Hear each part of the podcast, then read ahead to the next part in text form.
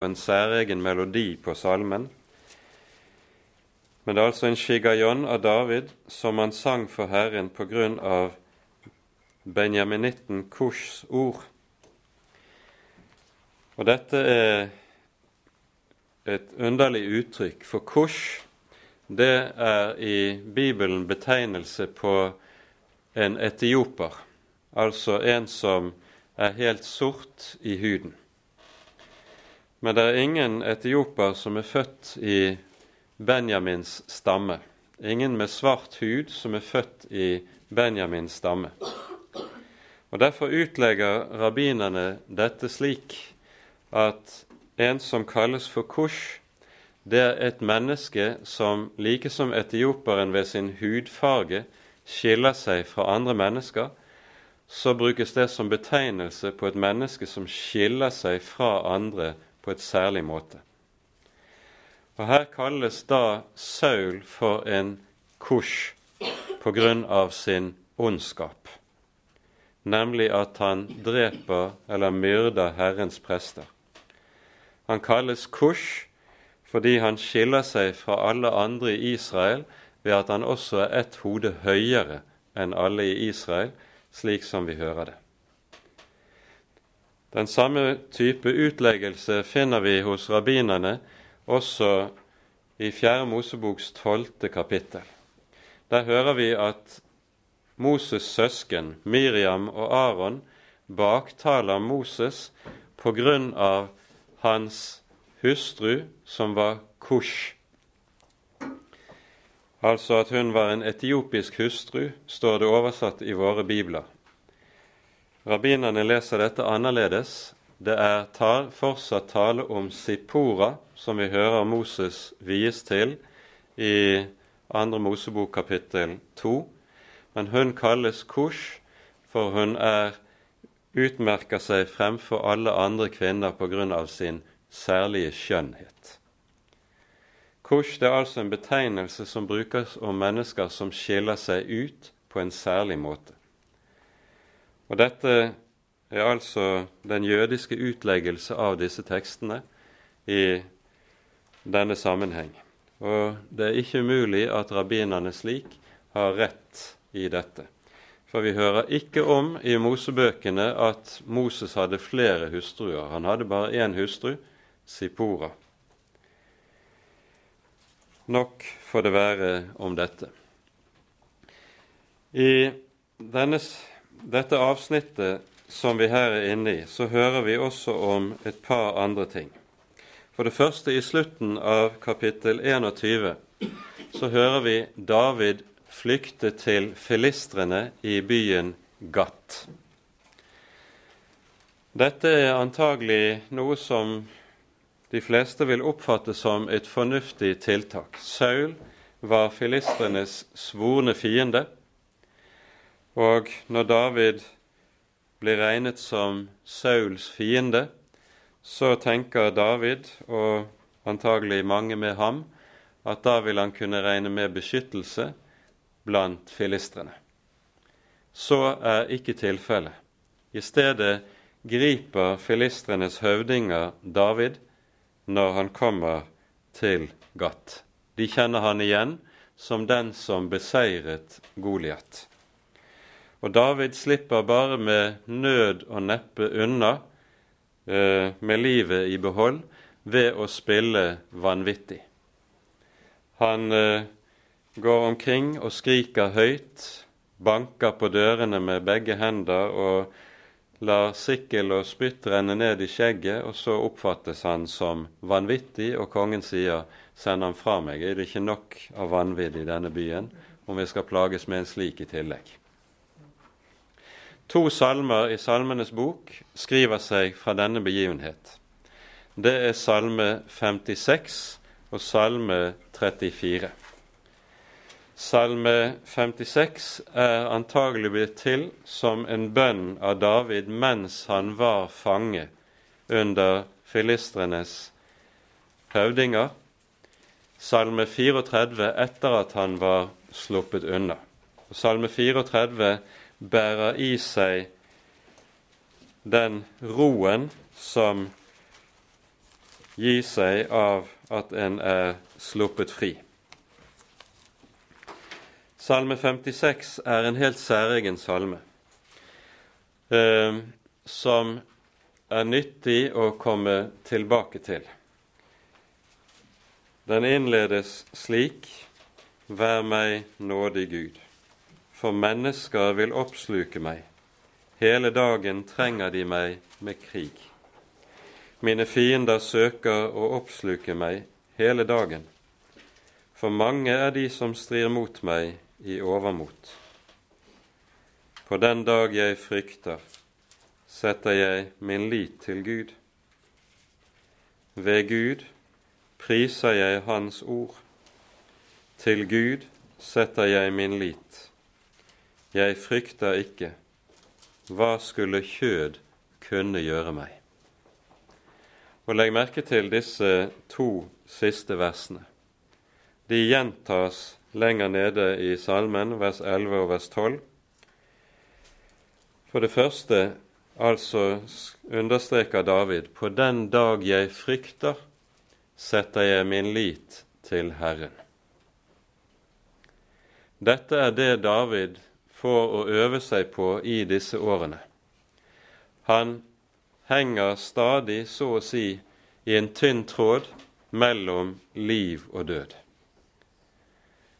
Og i denne situasjonen er han fortsatt alene. Det er ingen som menneskelig talt kan hjelpe han. Han har bare Gud.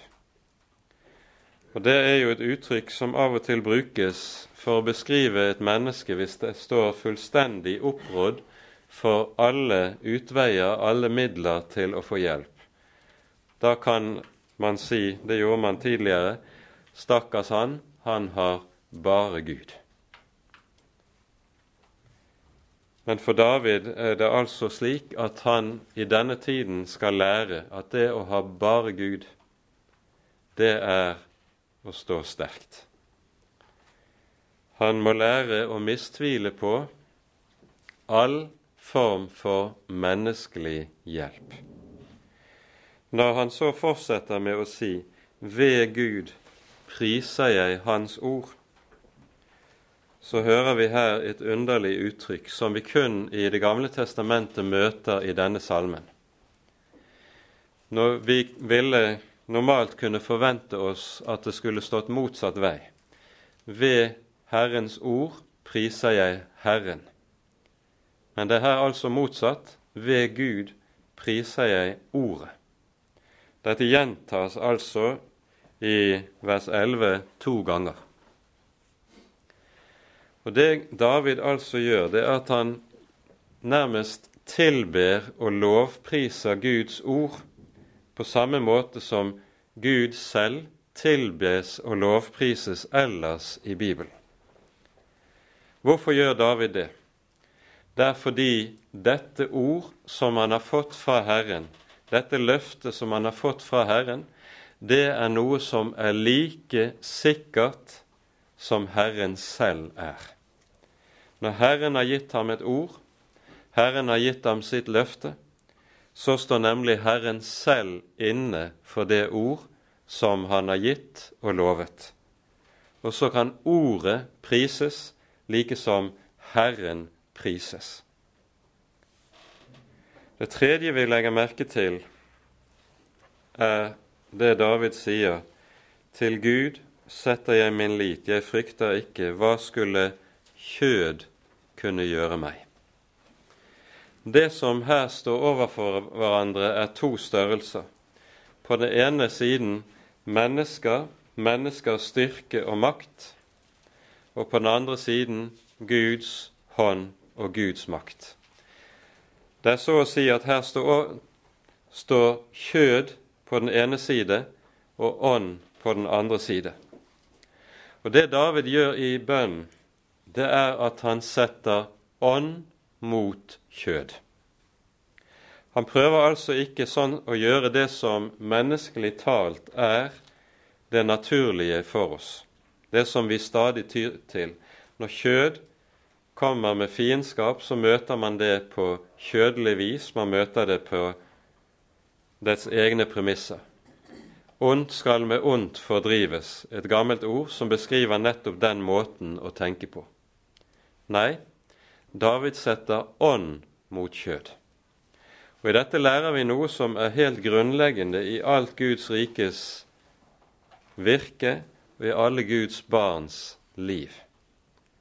Det er en øvelse som er meget vanskelig, men som Herren vil hjelpe oss å lære oss.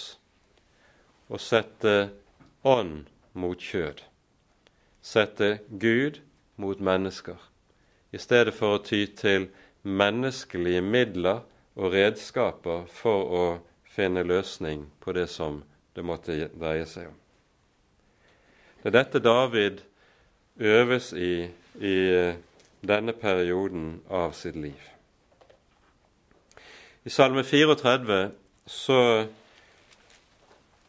leser vi så å si ut av denne den ro som eh, David er kommet inn i etter å være fridd ut. Og Vi skal ikke lese hele denne salmen, men ta dere tid til det når dere kommer for dere selv. Det er en herlig salme som inneholder mye trøst og mye hjelp for Guds barn.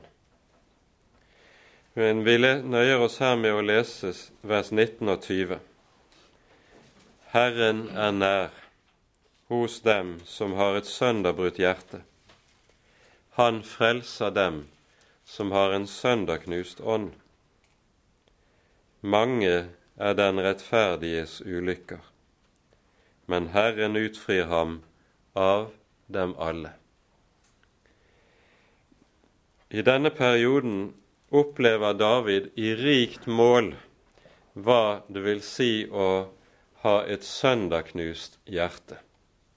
Det er ikke godt. Han opplever ikke bare hva det vil si å bli sveket gjentatte ganger, som vi skal se det, men han opplever også meget av det som vi kaller for anfektelse. I et par av salmene setter David ord på dette. F.eks. hører vi fra den senere salme 3 at han sier 'Mange sier til meg'. Det er ingen frelse for ham hos Gud. Eller som vi kan lese det i Salme 42.: Mange sier til meg, hvor er nå din Gud? Er ikke alt det du nå opplever, all den motgang, all den fare, all den ensomhet, all den nød, er ikke det nettopp vitnesbyrd om at du er forlatt av Gud? Hvor er nå din Gud? Lyder tallrike røster til David. Og Det er noe av den anfektelse som David er oppe i i disse årene. Hvor er nå din Gud? Dette er noe av det som heter å ha et søndagknust hjerte. Og Så hører vi David også i dette skriver noe som er vel verd å notere seg. Mange er den rettferdiges ulykker. Med det så peker David på dette at det slett ikke er sånn som vi ofte kan få høre det i våre dager fra disse retninger som representerer herlighetsteologien, at medgang, det å lykkes på alle områder, det er tegn på at Gud er med. Og motsatt, det å oppleve motgang og trengsel, det er tegn på at Gud ikke er med. Nei, David opplever tvert om meget tydelig det som vi her hører. Mange er den rettferdiges ulykker. Men Herren utfrir ham av dem alle han får oppleve at Herren midt oppe i nød og trengsel er der, holder ham oppe, tar seg av ham. Dette er uhyre viktige sannheter å ta vare på, ikke minst i våre dager, hvor det lyder den typen røster som vi bare kort har nevnt her, og som er en stadig fristelse for Guds barn å tenke når vi opplever særlig vanskelige ting. Hvor er Gud nå? Men nød er aldri tegn på at Herren er borte. Det skal vi merke oss. Det er helt avgjørende etter Guds ord å være oppmerksom på. Etter at David, Vi vender nå tilbake til kapittel 22 i første Samuels bok. Etter at David så er sluppet ut av faren i Gat, hører vi så i de første versene i kapittel 22. Så dro David bort derfra og flyktet til hulen ved Adullam. Og da hans brødre og hele hans fars hus fikk høre det, dro de der ned til ham. Og alle som var i nød, eller som var trykket av gjeld, eller som var misfornøyde, samlet seg om ham og han ble deres høvding. Det var omkring 400 mann som var med ham. Derfra dro David til Mispe i Moab, og han sa til Moabs konge:" La min far og min mor få komme hit og bli hos dere, til jeg får se hva Gud vil gjøre med meg. Og han førte dem frem for Moabs konge, og de ble hos ham hele den tid det David var i fjellborgene. Men profeten Gad sa til David, Du skal ikke bli i fjellborgen. Ta herfra og dra til Judaland. Da dro David bort og kom til Haret-skogen. Adullam er en meget gammel by som lå omtrent midtveis, litt syd, eh, midtveis altså mellom filisterbyen Gat og Davids hjemby Betlehem. Der ligger også Terrebintedalen, hvor kampen med Goliat hadde stått. Og Adullam ligger da på noen høydedrag litt i syd for dette dalføret. Det er et område som består av kalksteinsklipper, og det er til dels Berget der er gjennomhullet av mange og også mange store huler der det ikke er vanskelig å finne gjemmested og ta opphold.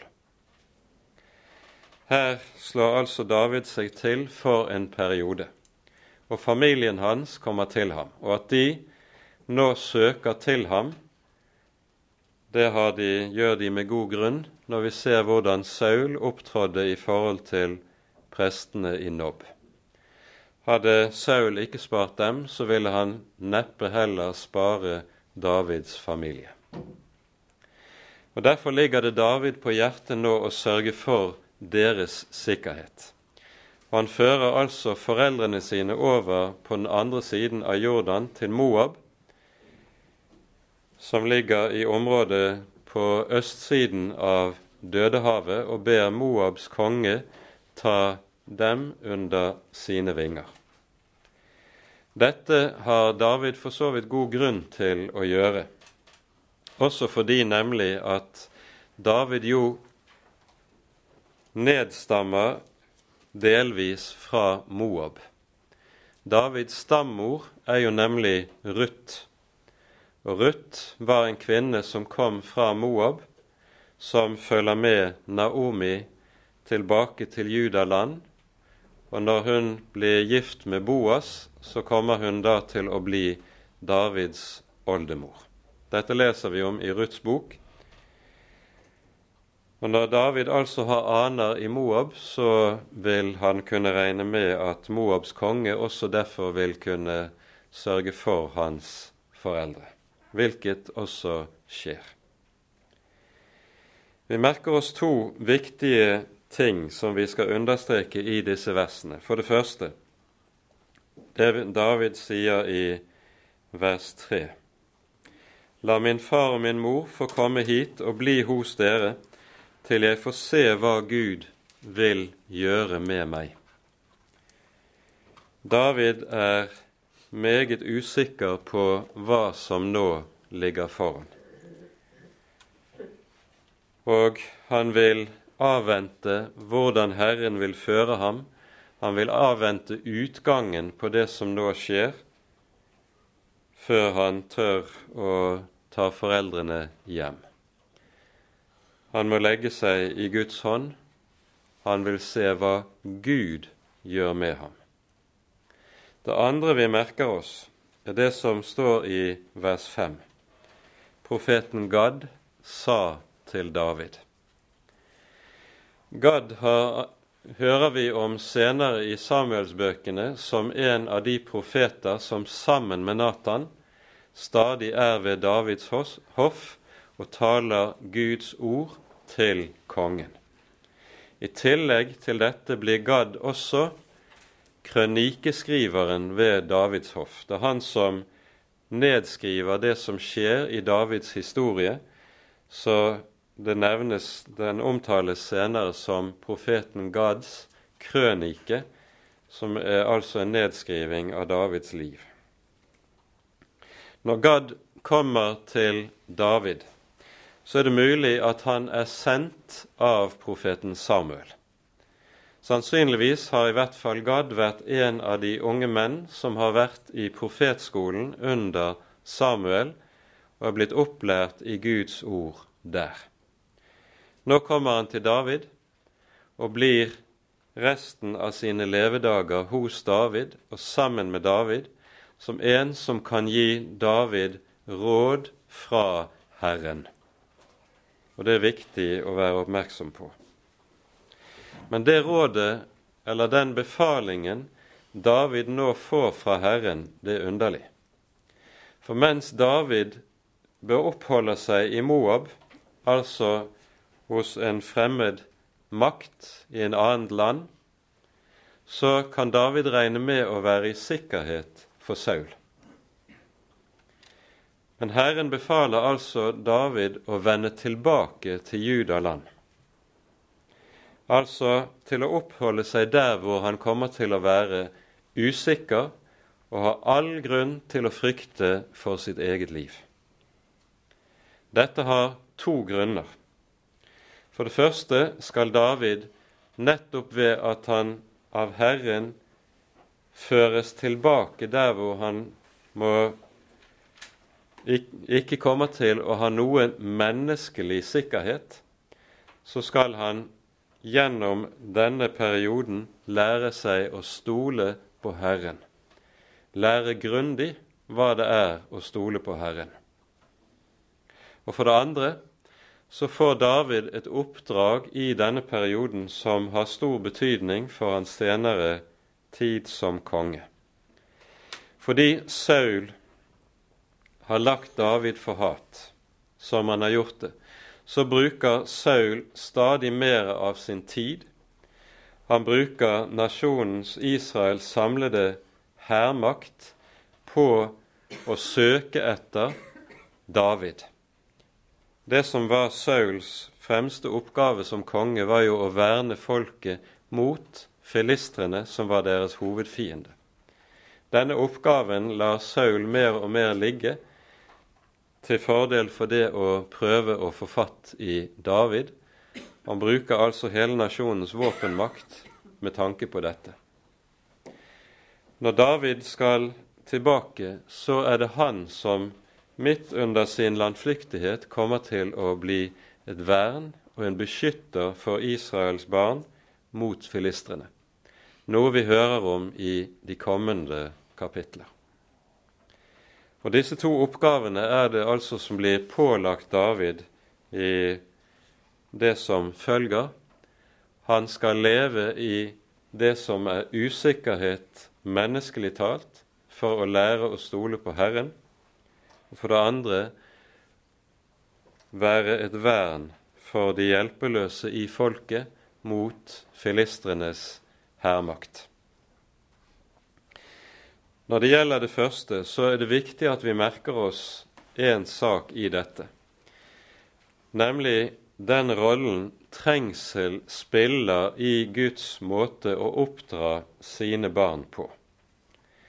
Det å oppleve noe som er vondt, smertefullt og vanskelig, og som bare varer en relativt kort tidsperiode, det er noe de aller fleste mennesker kan bære og klare å tåle. Men når det er slik at trengselen og nøden varer over tid, det går år etter år uten at man vet når dette skal ta slutt, eller om det i det hele tatt skal ta slutt, da får trengselen en helt annen tyngde, en helt annen kraft i seg. Og Da blir en over tid på en helt annen måte også henvist til å øves i og lære seg det å hva det vil si å være kastet på Herren.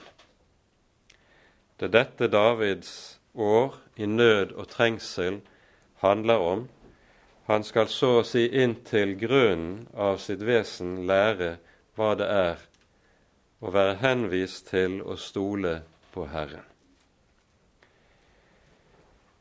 Her er det ordene vi hører i Hebreabrevets tolvte kapittel, når det taler om hvordan Herren bruker sin tukt i sin oppdragelse av sine barn, kommer til sin rett. Og her er David i høy grad et av Bibelens aller viktigste forbilder på hvordan Herren nettopp bruker trengsel og nød i dannelsen og formingen av sine barn. Det står i Hebreane 12 slik Våre jordiske fedre tukter oss en kort tid etter eget tykte, tykke. Herren tukter oss for at vi skal få del i Hans hellighet, sies det. Det er et meget viktig uttrykk. Det sier noe om hvilken frukt det å være i Guds hånd når man er i nød, får i et menneskes liv. Du oppdrar oss ved kors og trengsel for ditt rike. Det er den sannhet som David lærer å kjenne i disse årene, disse nødsårene som han her står oppe i. Går vi nå til kapittel 23, så hører vi om to viktige begivenheter som vi skal bare ganske kort nevne før vi går til det neste kapittelet. Her hører vi nemlig om hvordan David nettopp tar på seg dette oppdraget å være skjold og vern for sitt folk. Først er det en mindre by som heter Keila, som angripes av filistrene. David iler til unnsetning og berger både byen og befolkningen fra ødeleggelse. Og så opplever han da den nød at når Saul får rede på hva som er skjedd Keila er en by som har bymur omkring. Så tenker Saul nå har jeg David. Han er fanget som fugl i et bur så lenge han er i Keila. Så Saul bryter opp med hele hæren for å beleire Keila og prøve å gripe David. Og David spør da Herren til råds. Vil Saul komme? Ja, sier Herren. Dernest, vil Keilas innbyggere overgi meg til Saul? Ja, det vil de, sier Herren, hvorpå David flykter.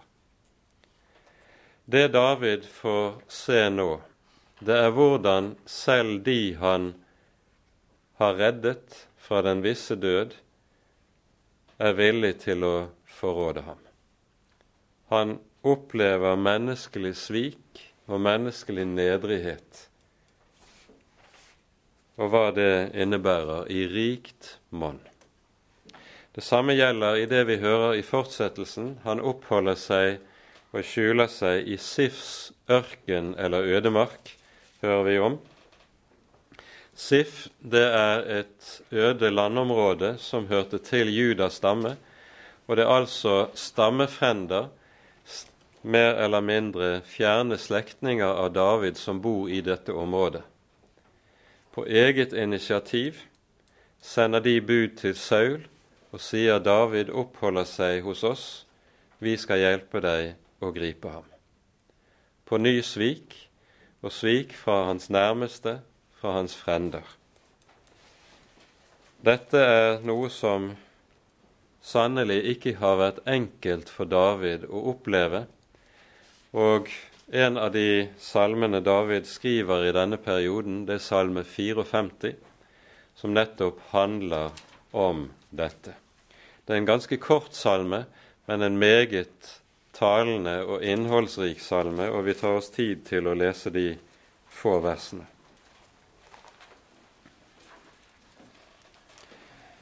Til sangmesteren med strengelek, en læresalme av David, da sifittene kom og sa til Saul, David holder seg skjult hos oss. Gud, frels meg ved ditt navn. Hjelp meg til min rett ved din kraft. Gud, hør min bønn og vend øret til min munns ord. For fremmede har reist seg imot meg, og voldsmenn står meg etter livet. De har ikke Gud for øye. Sela. Se, Gud hjelper meg. Herren er den som oppholder mitt liv. Det onde skal falle tilbake på mine fiender. Utrydd dem i din trofasthet. Med villig hjerte vil jeg ofre til deg. Jeg vil prise ditt navn, Herre, fordi det er godt. For av all nød frir han meg ut, og på mine fiender ser mitt øye med lyst. Merk særlig det vi hører i vers 3 Hjelp meg til min rett ved din kraft. Altså ikke ved min kraft, ikke ved egen kraft, ikke ved egen hånd, men ved Guds hånd. Det er det David på ny og på ny er henvist til. Alt dette som vi her har pekt på, det samles like som i en konsentrert sum i det vi nå hører i det 24. kapittel, og vi skal slutte med ganske kort å se på dette, og vi leser. Så dro David opp derfra og holdt til i fjellborgene ved Ein-Geddi. Da Saul kom tilbake etter at han hadde forfulgt filistrene, fikk han høre at David var i En-Geddis ørken. Da tok Saul 3000 mann som hadde valgt ut blant hele Israel og dro av sted for å lete etter David og hans menn på Steinbukk-klippene. Han kom da til fåreheinene ved veien. Der var det en hule, og Saul gikk dit inn i sine egne ærend, men David og hans menn satt innerst inne i hulen. Da sa Davids menn til ham, Se, nå er den dag kommet om hvilken Herren sa til deg, nå gir jeg din fiende i din hånd, så du kan gjøre med ham som du finner for godt. Så sto David opp og skar hemmelig fliken av Sauls kappe. Men deretter slo samvittigheten David fordi han hadde skåret fliken av Sauls kappe, og han sa til sine menn, Herren fri meg fra å gjøre slikt mot min Herre, mot Herrens salvede og legge hånd på ham, for Herrens salvede er han. Og David irettesatte sine menn med hårde ord, og lot dem ikke få lov til å overfalle Saul. Men Saul gikk ut av hulen og ga seg på veien. Deretter sto David opp og gikk ut av hulen og ropte etter Saul, Herre konge. Da så Saul seg tilbake, og David bøyde seg med ansiktet mot jorden og kastet seg ned. Og David sa til Saul, Hvorfor hører du på folk som sier, David søker din ulykke? I dag har du jo med egne øyne sett at Herren i dag hadde gitt deg i min hånd i hulen, og det var tale om å drepe deg. Men jeg hadde medynk med deg og sa, jeg vil ikke legge min hånd på min Herre, for Herrens salvede er Han. Men se, min far, se, her er fliken av din kappe i min hånd, For nei, når jeg skar fliken av din kappe og ikke drepte deg, så kan du vel skjønne og se at jeg ikke har hatt noe ondt eller noen misgjerning i sinne og ikke har forsyndet meg mot deg, enda du etterstreber meg og vil ta mitt liv. Herren skal dømme mellom meg og deg, og Herren skal hevne meg på deg, men min hånd skal ikke ramme deg. Det er som det gamle ordspråk sier, fra ugudelige kommer ugudelighet, men min hånd skal ikke ramme deg. Hvem er det Israels konge har dratt ut etter? Hvem er det du forfølger? En død hund? En loppe? Så skal da Herren være dommer og dømme mellom meg og deg. Han ser til å føre min sak og dømme meg fri av din hånd. Da nå David hadde talt disse ord til Saul, da sa Saul, Er det du som taler, min sønn David? Og Saul brast i gråt. Og han sa til David, Du er mer rettferdig enn jeg, for du har gjort godt mot meg, men jeg har gjort ondt mot deg. Du har i dag vist meg hvor god du har vært mot meg, i det du ikke drepte meg, da Herren hadde gitt meg i din hånd. Når en mann treffer på sin fiende, la han, han da gå sin vei i fred. Herren lønne deg for denne dag, for det du har gjort mot meg. Jeg vet jo at du skal bli konge, og at kongedømmet over Israel skal bli fast i din hånd.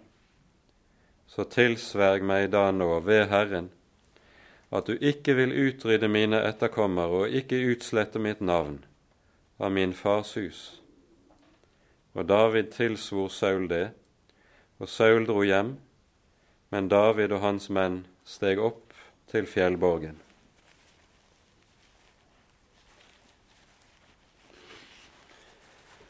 I det vi her hører, så står vi overfor en prøve, og så å si en avgjørende prøve, som David blir stillet på i denne perioden av sitt liv.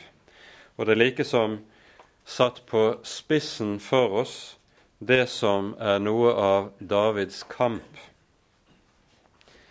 David har nemlig to fiender å kjempe mot. Han har den ytre fiende, og han har den indre fiende. Og det som er den farligste fienden, det er den indre fienden. Sånn var det når det gjaldt Saul. Han sto også de to, på de to avgjørende punkter i sitt liv overfor både en ytre fiende samtidig med sin indre fiende. Og så representerer altså den indre fienden fristelsen som David her møter. Fristelsen til å ta saken i egne hender til å ta seg til rette. Det han står overfor, er spørsmålet skal jeg vente på Herren, eller skal jeg nå handle? Og hans menn lar han ikke være i tvil om hva det er han skal gjøre. Det er jo Gud som nå har gitt Saul i dine hender. Klart du må benytte anledningen når Gud har ledet det slik. Men David vet veldig godt hva som er rett, og hva som er galt. Og her er det to ting. For det første, når Saul er Herrens salvede, så er det ikke opp til et menneske å ta seg til rette og ta ham av dage. Det vil være drap, ingenting annet enn det, og David vet hva som er rett og galt i det stykket. For det annet så vet David i dette at hvis Herren har gitt et løfte, så vil Herren også være alene om å oppfylle det han har lovet. Han vil ikke ha Davids hjelp på det stykket. Og derfor, hvis David handler og tar Saul av dage, så vil han rett og slett da ta seg til rette, løpe foran Gud. Det er Guds sak å sørge for at David kommer på tronen. Her vil Gud ikke ha Davids hjelp. Den prøve David derfor står overfor i dette, er den vanskelige prøve som vi ser en rekke av Bibelens sentrale personer stilles overfor. Det å bie på Herren, og altså ikke foreta seg noe, mens det som er den store fristelse, det er nettopp å handle og gjøre noe. Det vanskelige er å ikke gjøre noe.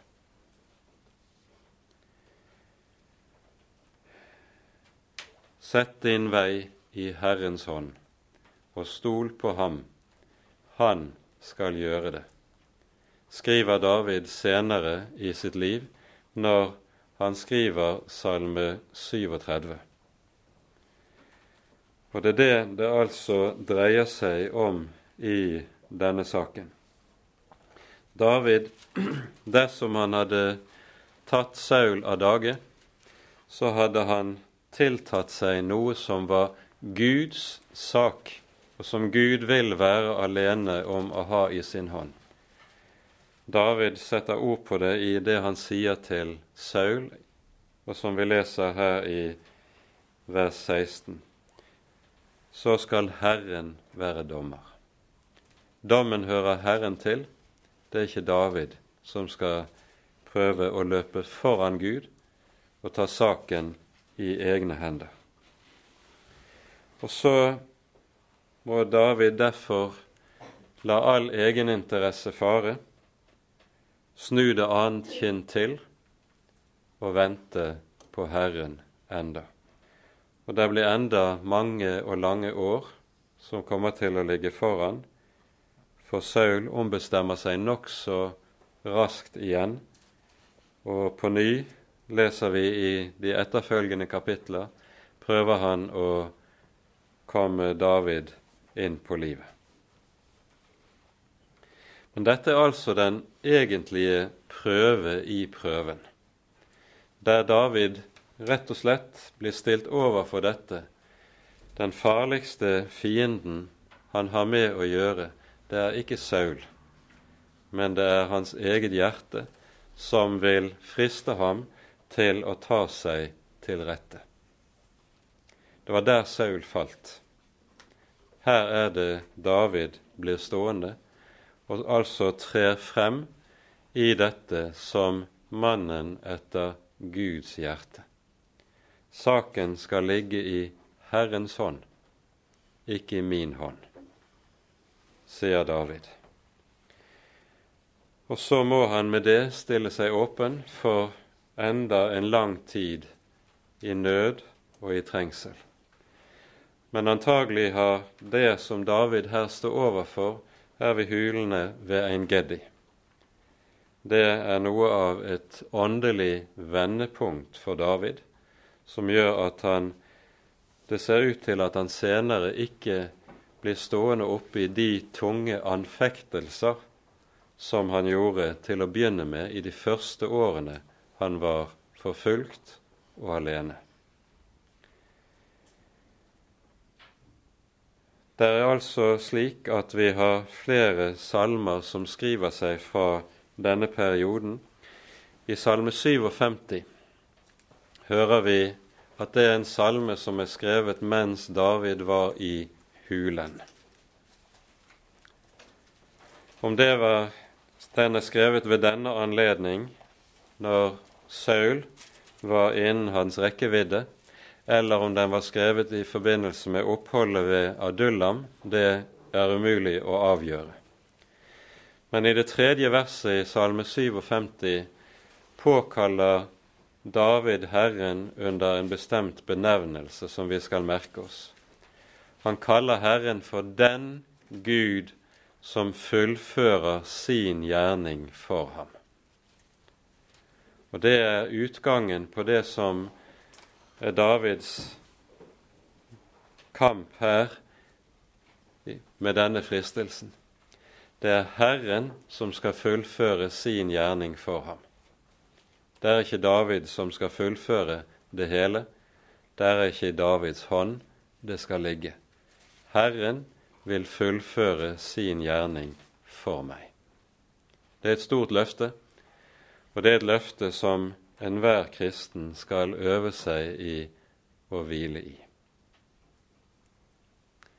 Ære være Faderen og Sønnen og Den hellige ånd, som var og er og være skal, en sann Gud, høylovet i evighet. Amen. Da finner vi frem igjen nummer 460, 'Velt alle dine veier'. Og vi synger fra vers 8 og så ut vers 12.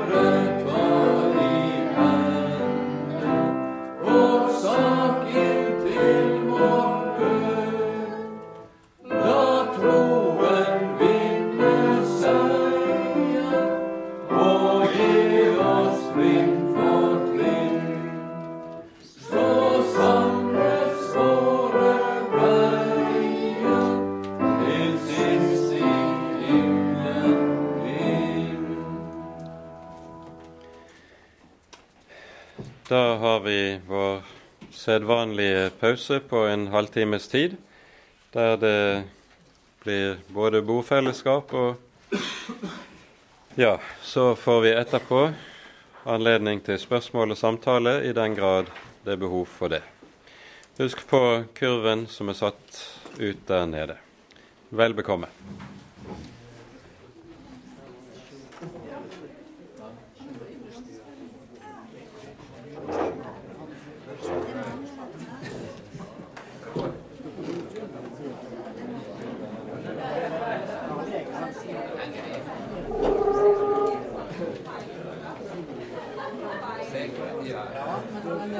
Skal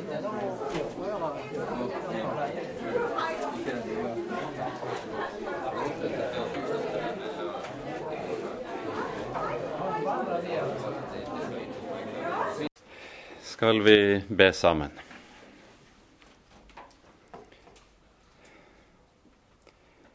Kjære gode Herre og Gud, så takker og lover vi deg på ny for all din nåde og all din trofasthet imot oss. Takk, Hellige Gud, du har kalt oss til inn i ditt rike du har gitt oss å få være dine barn for Jesus skyld, og med det lovet at du vil være vår far og ta deg av oss i alle ting.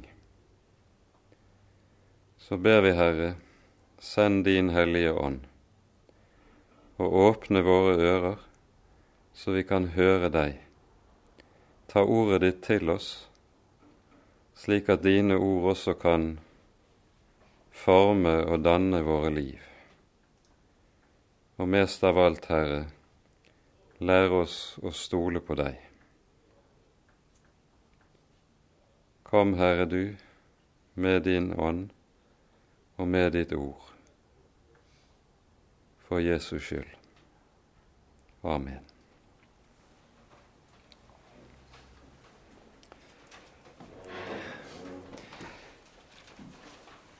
Det avsnittet i Samuelsbøkene som vi altså skal ta for oss i kveld, det spenner over hele avslutningen av første Samuels bok, fra kapittel 25 til og med vers 31.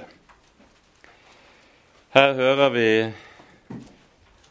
avslutningen av Davids trengselsår Samtidig som vi også her er vitne til Sauls gang mot undergangen. Det er jo et nokså langt avsnitt det vi skal ta for oss i dag, og det betyr at det er en god del som vi vil komme til å hoppe over. Um, delvis fordi vi har vært borti tilsvarende ting tidligere i Samuel, første Samuels bok, og delvis fordi vi vil konsentrere oss om noen av de mest sentrale tingene i denne delen av boken. Sist gang hørte vi om David i kapittel 24 som får Saul i sin makt. Han har skjult seg i hulen ved Engedi ned mot Dødehavet et område som pga. kildene der er som en rik, fruktbar oase, som et rikt, lite paradis midt i en ellers fullstendig gold og død ødemark. Og her er det altså at Saul kommer i Davids vold. Og David stilles overfor en prøvelse og en fristelse som på mange måter er skjellsettende for hans liv. Han fristes til å ta seg til rette ved å slå Saul i hjel, og slik kan han så å si både med ett slag fri seg selv ut av den fortvilede situasjonen som han har vært i lang tid allerede, og samtidig stige opp til kongeverdigheten i Israel, og slik forkorte trengselstiden og nødstiden, slippe å være i nød og fare som han hadde vært så lenge. Men David hører vi her meget klart vet hva som står på spill. Han kan ikke røre Herrens salvede. Når Herren har lovet ham kongeverdigheten, så er det Herren som også må gi ham den. Han kan ikke ta saken i egen hånd og likesom nærmest hjelpe Gud på vei. For har Gud gitt et løfte, så vil Gud også være alene om å oppfylle det. Han vil ikke ha vår innblanding i det. Da vil det hele ende opp med at det blir menneskeverk i stedet for Guds verk. Det hele vil bli noe som dermed også mangler Guds velsignelse.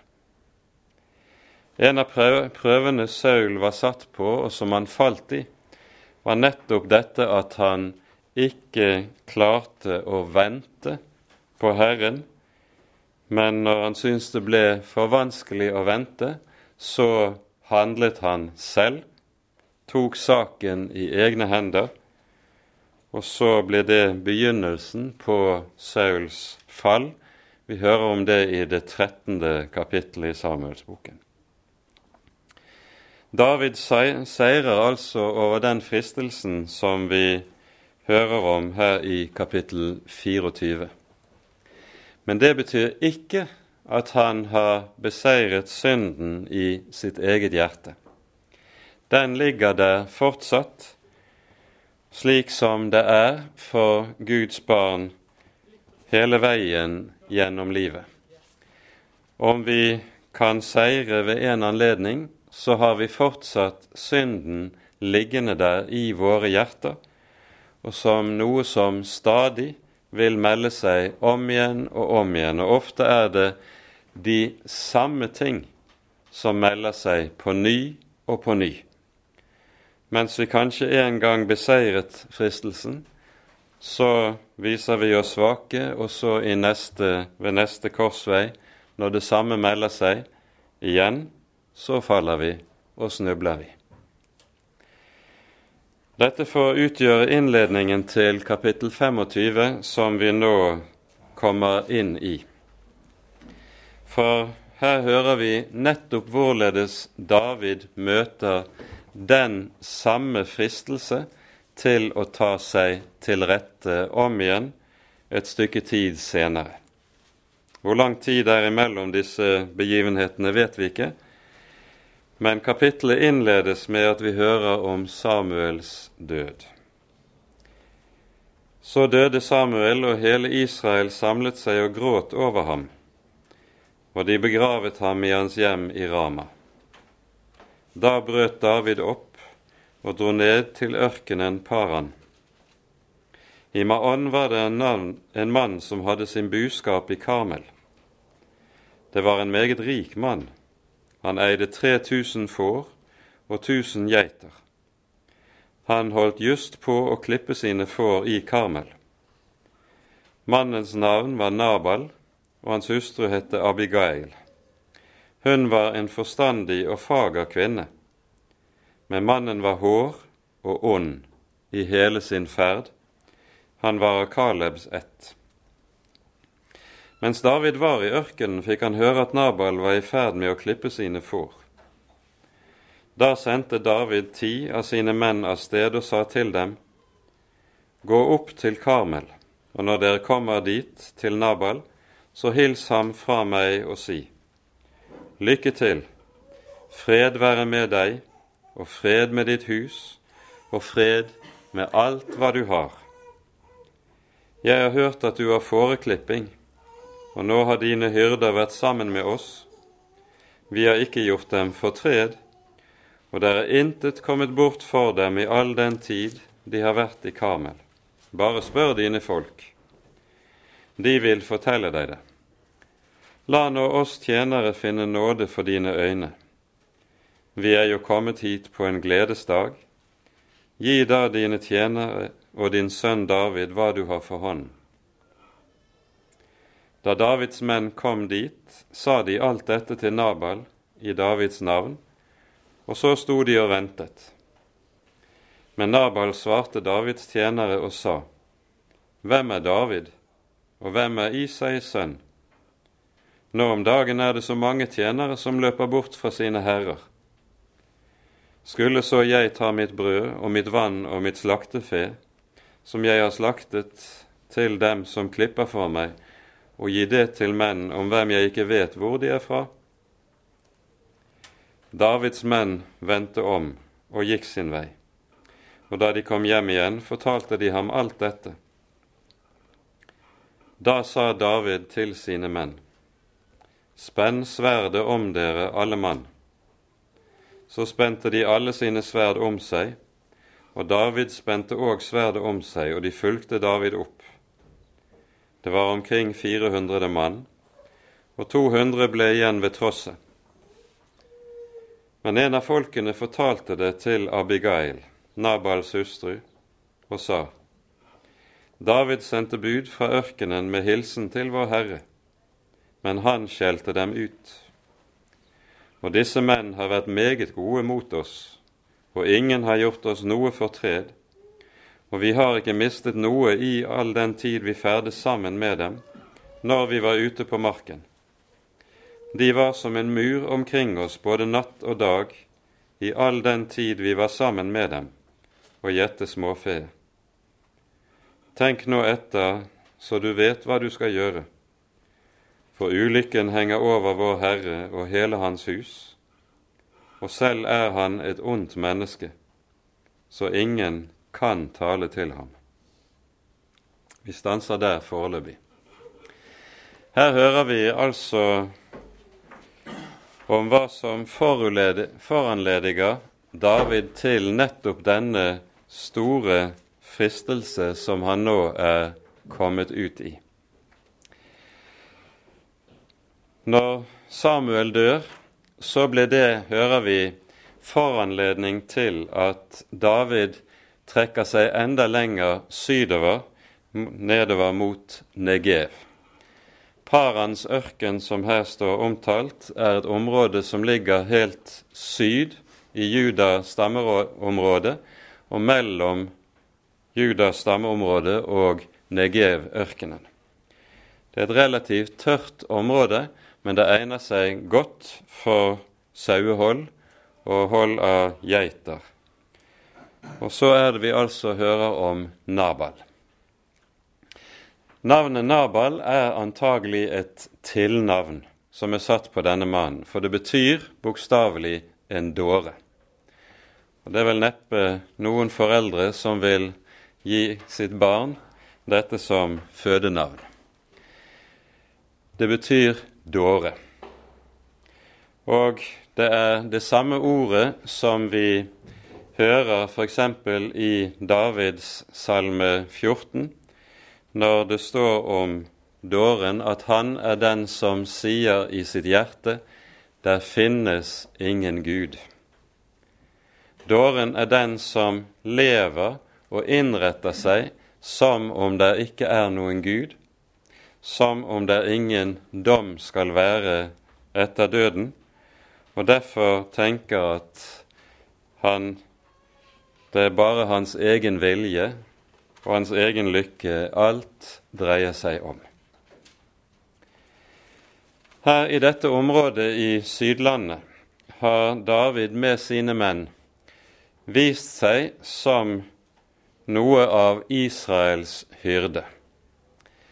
For i nettopp disse områdene i Israels folk så var de stadig truet av eh, røvere, av beduinstammer som var på farten og falt inn i landet og røvet bygdene, røvet jordene osv. Men etter at David altså har ankommet til området, så har han vært en beskytter for folket i hele området, og røverne har aldri kunnet komme til.